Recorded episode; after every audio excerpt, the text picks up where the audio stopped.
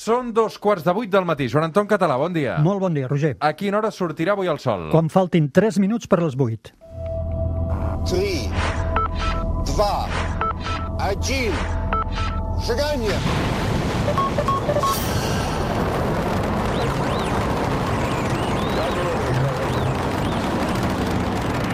One small step for man.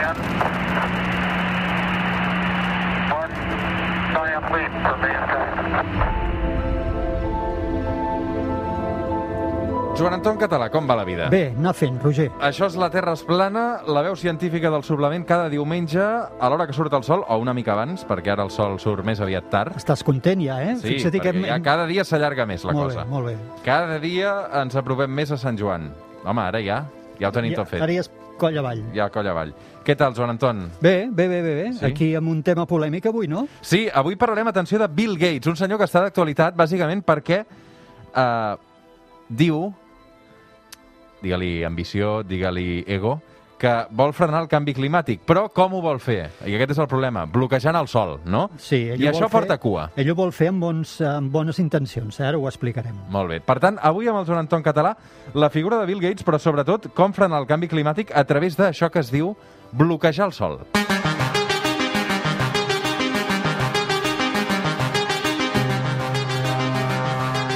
Per bloquejar el sol, amb la teoria Bill Gates, hem de parlar d'un fenomen que es diu geoenginyeria, no? Sí, això diríem, si volguéssim un, una, un camp polèmic dins de la ciència, eh, la geoenginyeria seria segurament un dels més polèmics que podríem trobar.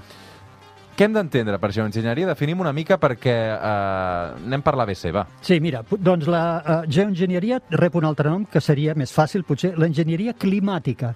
I és emplear, uh, diríem, formes humanes artificials per lluitar contra el canvi climàtic, però no, no lluitant en primera, uh, amb el primer mecanisme, que seria anem a reduir emissions, sinó en paral·lel a que reduïm emissions, anem a veure si tenim altres formes de minorar els efectes perjudicials que ens està fent aquest canvi climàtic. Per tant, dintre de la geoenginyeria, eh, diríem, eh, s'engloben un munt de formes de fer-ho, que avui en parlarem d'algunes.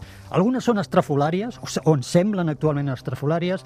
Totes elles són polèmiques, totes, perquè, clar, una mica la crítica gran sobre, ja ho veuràs, sobre tot això és molt bé, no ens hauríem de centrar en el primer mecanisme, anem a reduir les emissions, és a dir, anem a reduir el problema principal.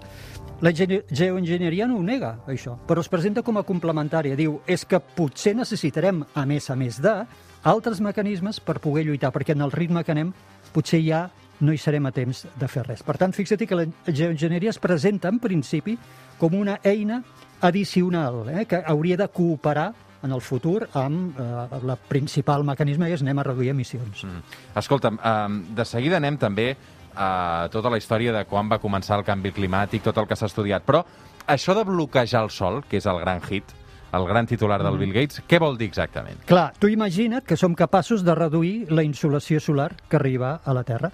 Això provocaria doncs, un augment o una contenció de l'augment de les temperatures. I aquí hi ha diversos mecanismes que els anirem eh, repassant ara i es basen en això. Anem a reduir la insolació que rep el nostre planeta. Gates el que ha fet és una donació. Ara després parlarem d'un projecte concret. Ell ha fet una donació, de fet n'ha fet dues.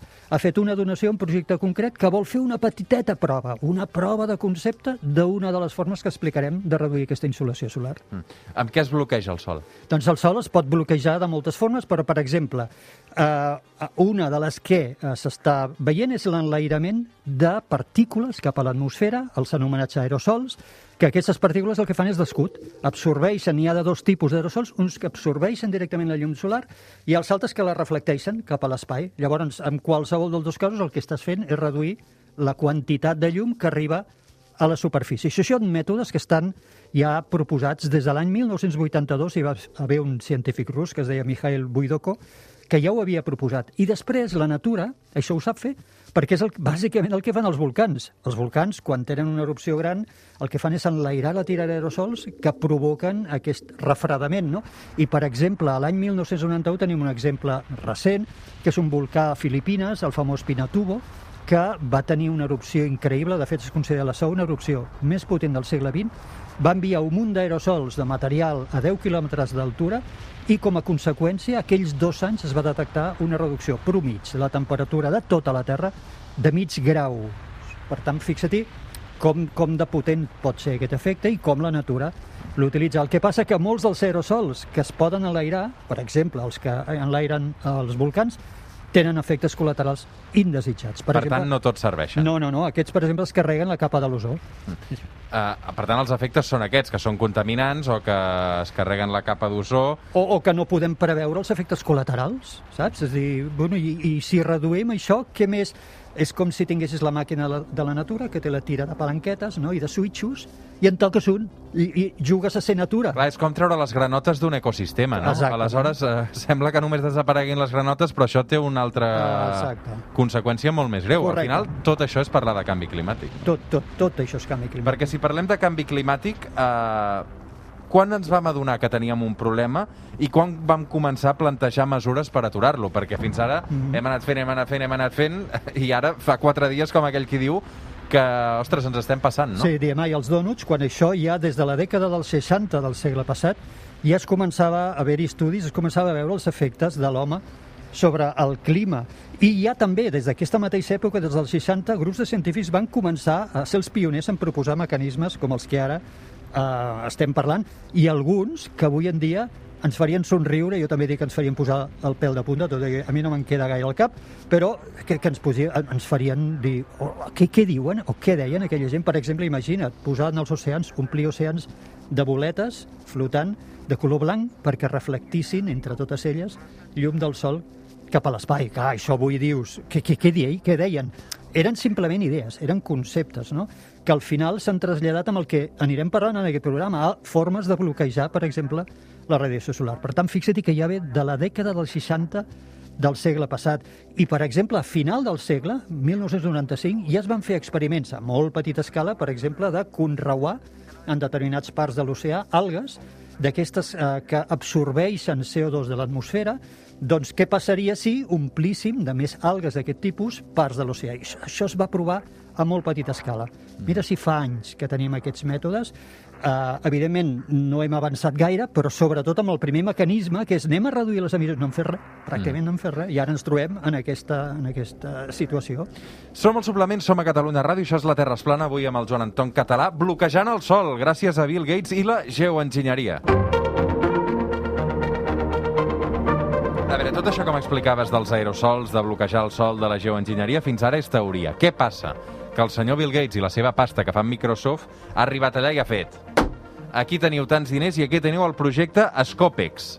Això Sí, què senyor. és exactament? Mira, el projecte Scopex és, està, diríem, ha, ha nascut dintre de Harvard, per tant no és cap tonteria, i és una prova de concepte, que ningú s'espanti, perquè això no és una prova real a gran escala, és una, una petita prova de concepte que es basarà en l'enlairament d'un globus a les capes altes de l'atmosfera en una gòndola per sota que porta instruments per, per estudiar i es distribuirà aerosol, que bàsicament s'està parlant de carbonat càlcic, perquè la gent sàpiga que carbonat càlcic està a les roques, és un producte natural.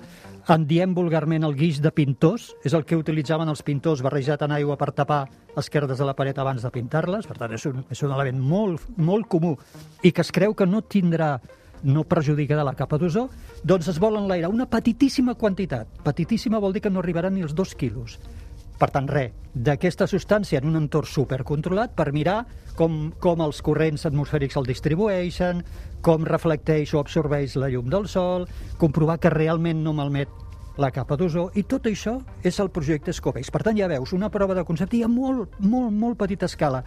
De moment, estem encara en què hi ha un grup d'experts independents que ha de donar l'ok, que ha d'aprovar que això segueixi endavant. Això passarà a meitat d'aquest mes de febrer. Si diuen que sí, la primera prova es faria al juny, però encara no s'enlairaria cap aerosol. Simplement seria el globus amb els equips sense aerosol. Abans d'avançar, tu estàs a favor d'això, de- de- d'enviar un aerosol a tapar el sol? Uh, no. A Perquè veure, això es deu haver de regular, no? És a dir, Correcte. Ara, ara, ara en parlarem justament perquè tu ara imagina't el que seria que tothom es posés a fer coses d'aquestes d'una forma descoordinada, d'una forma sense haver analitzat les conseqüències, els efectes que, el que dèiem abans, els efectes col·laterals de tot això.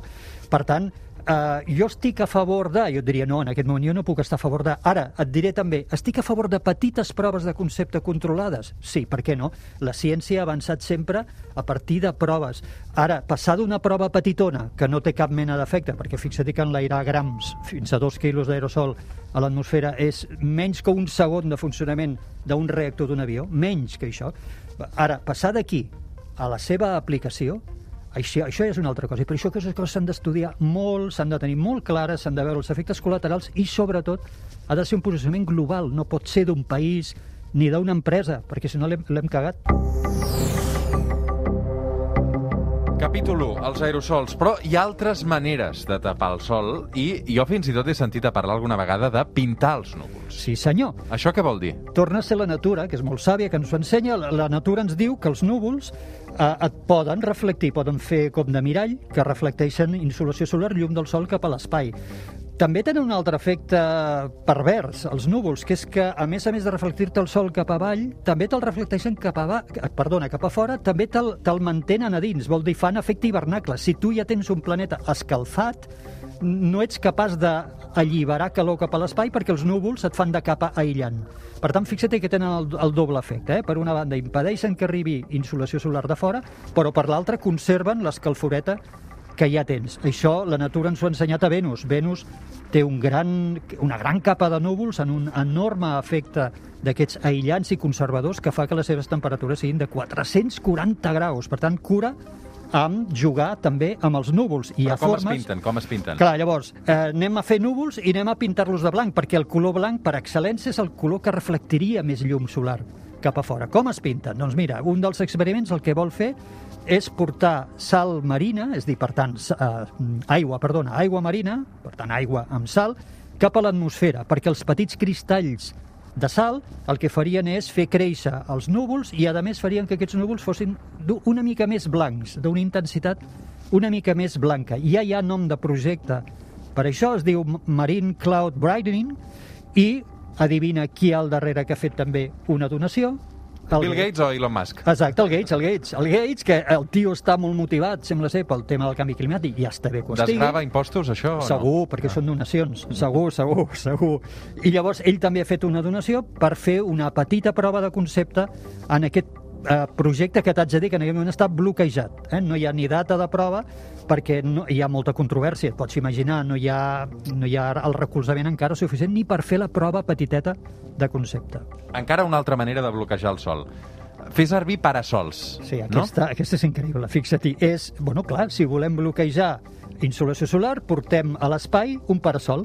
En realitat no és un parasol, són un conjunt de miralls o d'objectes que bloquejarien parcialment el sol. Això ja, ja es va proposar l'any 1989. Uh, un tal James Early va suggerir un panell reflector d'uns 2.000 quilòmetres situats a un milió i mig de quilòmetres de la Terra i les simulacions que tenim ara diuen que si volguéssim contrarrestar l'efecte hivernacle que està provocant l'increment de CO2 que nosaltres emetem a l'atmosfera, això ho podríem, diríem, equilibrar en 16 trilions de petits miralls a 1,5 milions de distància de la Terra. Llavors, molt important, quan un sent això es posa les mans al cap, molt important, aquí no està- no s'està dient de, de fer ombra en un país, en una regió, s'està dient de posar-ho a molts milions de quilòmetres de la Terra, de forma que això no generarà una ombra sobre cap lloc. Simplement el que farà és una mica d'ombra sobre tot el planeta, és dir, reduir una mica uh, la- la- a l'afectació o la, de, Em de la sembla llum solar. extraordinari tot això que expliques. Sí, això és, ara és ciència-ficció i, a més, Sí, fa tant. por. Fa por, fa molta por, Fa perquè, molta por. perquè és el que diem de treure una granota d'un ecosistema, Exacte. que sembla que de bones a primeres no passi res, però tot té unes conseqüències, Exacte, però fixa't, clar, els científics són els primers en saber-ho, això, eh? I això és que estem parlant són aproximacions científiques. Per tant, el que vol fer ara la ciència, els que es dediquen a això, que no és tothom, és fer petitíssimes proves per veure quins d'aquests mecanismes serien viables en el futur.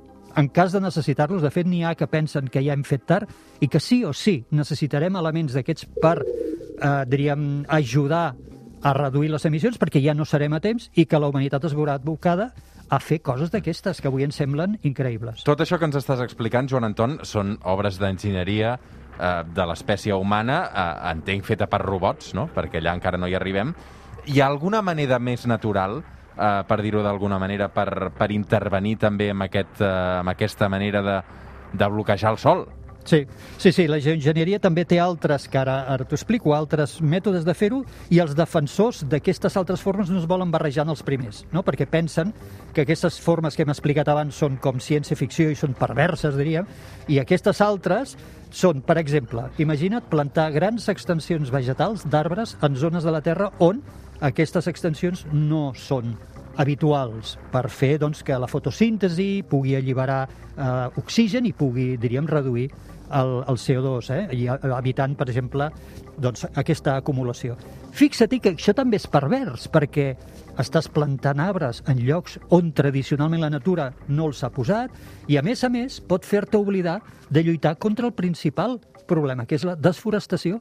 És dir, en lloc de preservar els boscos que tens, a Brasil, bueno, a l'Amazònia, tota aquesta zona que estem desforestant, en lloc de preservar això, dius, va, anem a plantar-ne en zones on no són freqüents. Clar, un altre cop controvèrsia. És a dir, són mètodes, tots ells, que generen molta discussió, i també èticament, no? Uh, però, com et deia, hi ha científics que pensen que els necessitarem sí o sí. Joan Anton Català, anem tard eh, amb el canvi climàtic? Suposo que sí, no? Sí, tu, jo penso que hi ha un cert consens que sí. Uh, per tant, um, què?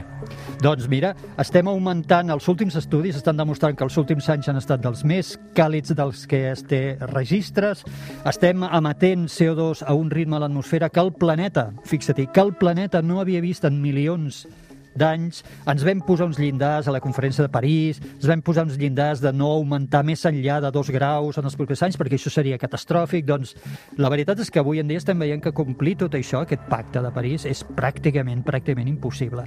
Per això et deia que hi ha científics cada cop més, encara són minoria, eh, però cada cop més, que pensen que més val que comencem a fer els deures, que comencem a veure tot això que dèiem, provem-ho a escala petita, mirem quins efectes col·laterals té, mirem si, mirem si són perjudicials o no, perquè és possible que en algun moment haguem, de recórrer, perquè igual no tindrem més remei que utilitzar algun d'aquests mètodes.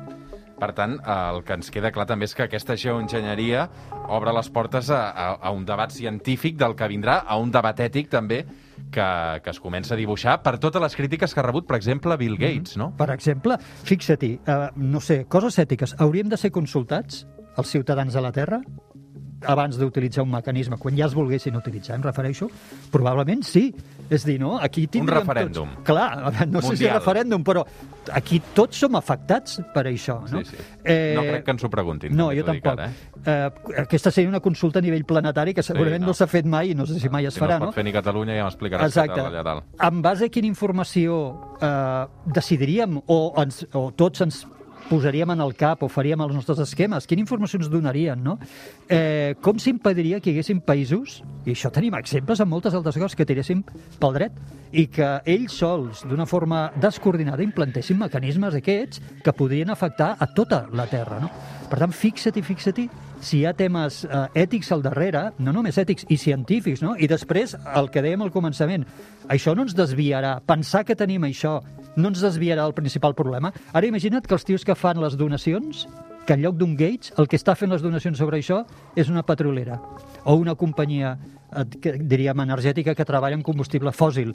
Per què? Perquè és com dir, escolta'm, si tenim altres mecanismes que ens poden protegir, escolta, no cal que ens preocupem tant de reduir les emissions. Home, no sé, eh? Per tant, fixa't si hi ha discussió al darrere. Un capítol apassionant avui, Joan Anton, sí. Sí. uh, perquè això és el, el debat que vindrà, eh? Sí, sí, és que ho tenim en aquí. Fixa't que ara estem parlant de petites proves i ara surt el Gates amb titulars de que vol Tu bloquejar diries el sol. que, que en el cas de Bill Gates és una operació de màrqueting seva personal també per tot això de les donacions, impostos, tal, tal? No. O s'ho creu i li interessa de debò uh, tota la qüestió del canvi climàtic, tota la qüestió del que hi ha més enllà de la Terra? Jo, jo tinc un defecte, segurament, o que, que, que soc, soc ben pensat, eh? i soc optimista, en general, ja em coneixes. Llavors jo penso que ell realment el mou, el tema del canvi climàtic, i és un tio doncs, que veu el problema i que, i que vol contribuir a solucionar-lo. Una altra cosa és de les formes que ho fa i les donacions que fa i a qui les fa, i això ja, ja no m'hi poso. Però jo crec que al darrere penso que hi ha d'haver una voluntat bona de anem a ajudar, eh? a part que això li desgrava, evidentment, no? però crec que hi, ha, hi hauria moltes altres formes de desgravar, i segurament està fent també moltes altres, eh? però ell està especialment motivat pel canvi climàtic.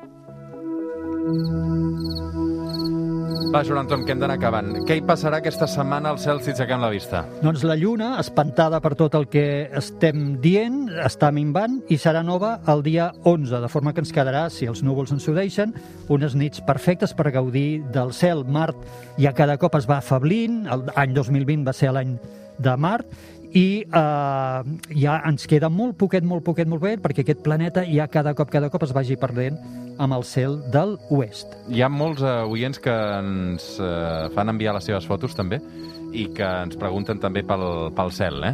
Sí, ho he vist. És que el cel és espectacular i, a més, fixa-t'hi que es pot veure... Estem aprenent a veure'l des de ciutat. Ara que estem confinats, diríem municipalment o no comarcalment. tant, no? Sí, sí. Exacte. Doncs ara la gent està dient, ostres, si el cel també es veu des de les ciutats. Joan Anton Català, un plaer. Igualment, Roger. Fem una petita pausa i de seguida tornem.